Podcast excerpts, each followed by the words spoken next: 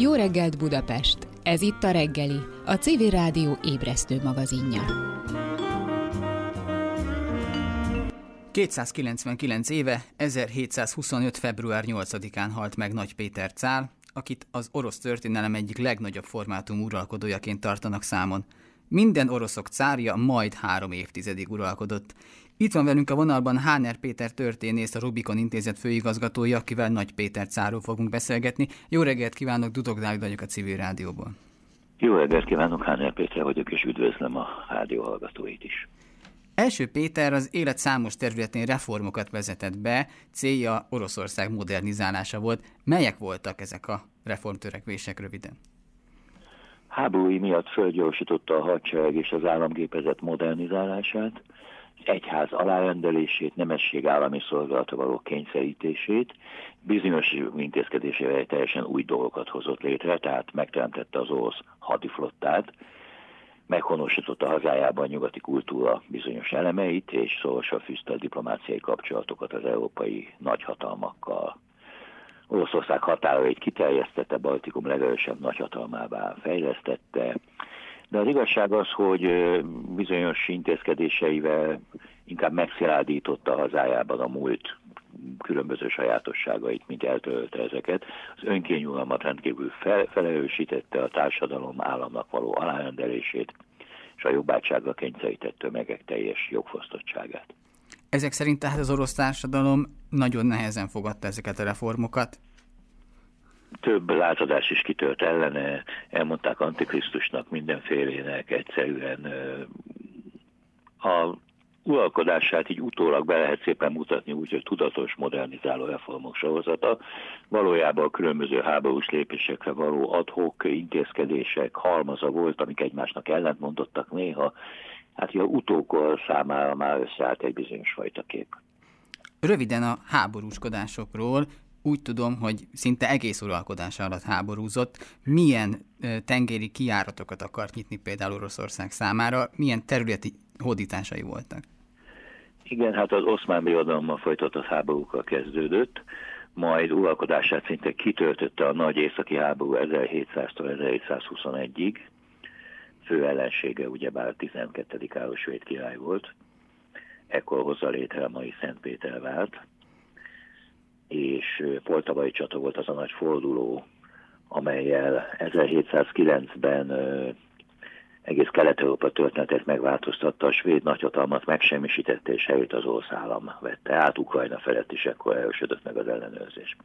1710-től 11-ig tartott az orosz, egy orosz-török háború, ez egy másik háborún belül, 1722-től 23-ig tartott a Perzsia elleni háborúja, úgyhogy életrajzi hogy szerint talán egy olyan év volt uralkodási idő, amikor nem folytatott háborút.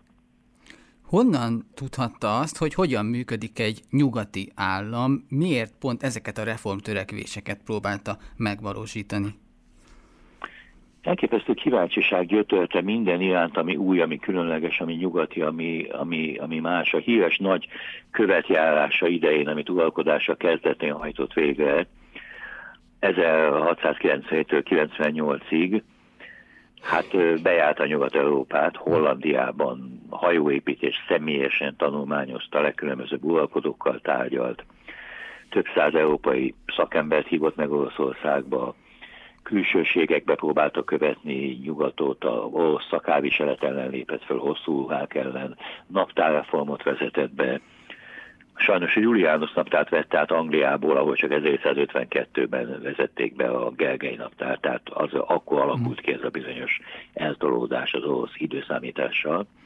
Pénzreformot vezetett be, attól kezdve, hogy a hajóépítés személyesen gyakorolta odáig, hogy boncolásokon részt vett minden érdekelte, ami ami fizikai, ami technikai, ami különlegesség, ami gyakorlatias tevékenység, ami legkevésbé érdekelte az a modern államnak a felfogása, a megosztott hatalom nyugaton, a hatalom megosztása, a képviseleti rendszer csillái már akkor megvoltak Angliában, Hollandiában különösen.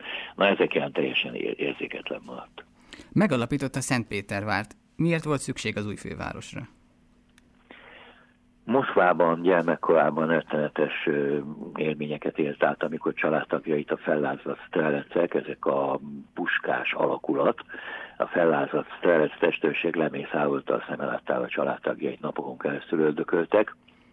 Ettől kezdve Moszkva volt a szemében a, a visszahúzó baljós erő, és annyira megtetszett neki a holland városok, angol városok, főleg aztán Amsterdam, egy-egy ilyen csatornákra épített várost ő is mindenképp szeretett volna hm. létrehozni, és ö, egyszerűen a semmiből 1703-ban kijelentette a tengerparton, hogy ott építi fel a fővárosát, ahol tenger van, ahol víz van, hatalmas hobbi a hajózás volt, azt hiszem, hogy a halálos betegségét is ennek köszönhette, és ö, azt se zavart, hogy építkezések során legalább 25-30 ezer ember pusztult el, előkerülséget a kötelezte, hogy költöznek ide Moszkvából, ide irányította át Alhangelsz kereskedelmét, megindította a hajógyártást, és a háború során minden hódításáról hajlandó lett volna le, lemondani, a 12. Káros védkirály meghagyja a kezén a várost, amelyet új fővárosának tekintett. Ettől kezdve a orosz történelemben Moszkva a múlt, és Szentpétervár a jövő szimbóluma. És aztán mégis, mégis látjuk, hogy az utókor teljesen más, hogy ítéli meg tevékenységét, ahogy az előbb ön is említette. Hogyan tudnánk összefoglalni most ennyi idő távlatából Nagy Péter cár uralkodását? Nem könnyű, mert ez egy más világ volt, amikor hát bizonyos vonásait máshogy értékelték. Mindenképpen radikális újtó volt hadsereg államgépezet modernizálásával, haditengerészettel, végleg hozzá kapcsolta Oroszországot Európához, ezt hangsúlyozni kell. Uralkodása elején egyetlen nagykövet tevékenykedett külföldön, Varsóba. Uralkodása végén 23 állandó diplomatája tartotta a kapcsolatot európai nagyhatalmak kormányaival. Egy 19. századi orosz történész Pogodin sorra vette, hogy a 19. században nem tehetnek egy olyan mozdulatot, hogy ne találkozzanak az emlékével. Akkor fölébrednek és meg, megnézik a naptárt, hát ez Nagy Péter rendelte, hogy a hónapokat januártól kell számolni. A fölöltözésnél a ruhák voltak azok, amelyeket Nagy Péter által megszapott divat szerint készítik.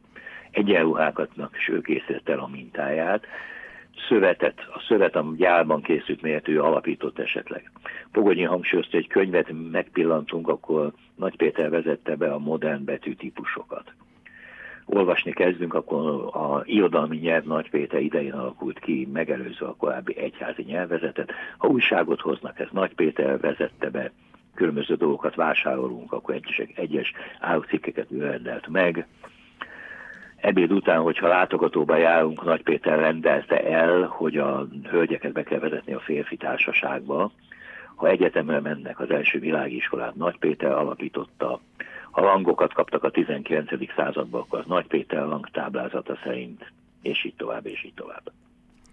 Köszönjük szépen, hogy segített nekünk megérteni Nagy Péter cár uralkodását, illetve azt, hogy hogyan ítéli meg az utókor az ő tevékenységét. 299 éve, 1725. február 8-án halt meg Nagy Péter cár, akit az orosz történelem egyik legnagyobb formátum uralkodójaként tartanak számon. Minden idők minden oroszok cárja majd három évtizedig uralkodott. Köszönöm szépen Háner Péter történésznek, a Rubikon Intézet főigazgatójának. Minden jót kívánok viszont hallásra. Én is köszönöm szépen a beszélgetést, viszont hallásra.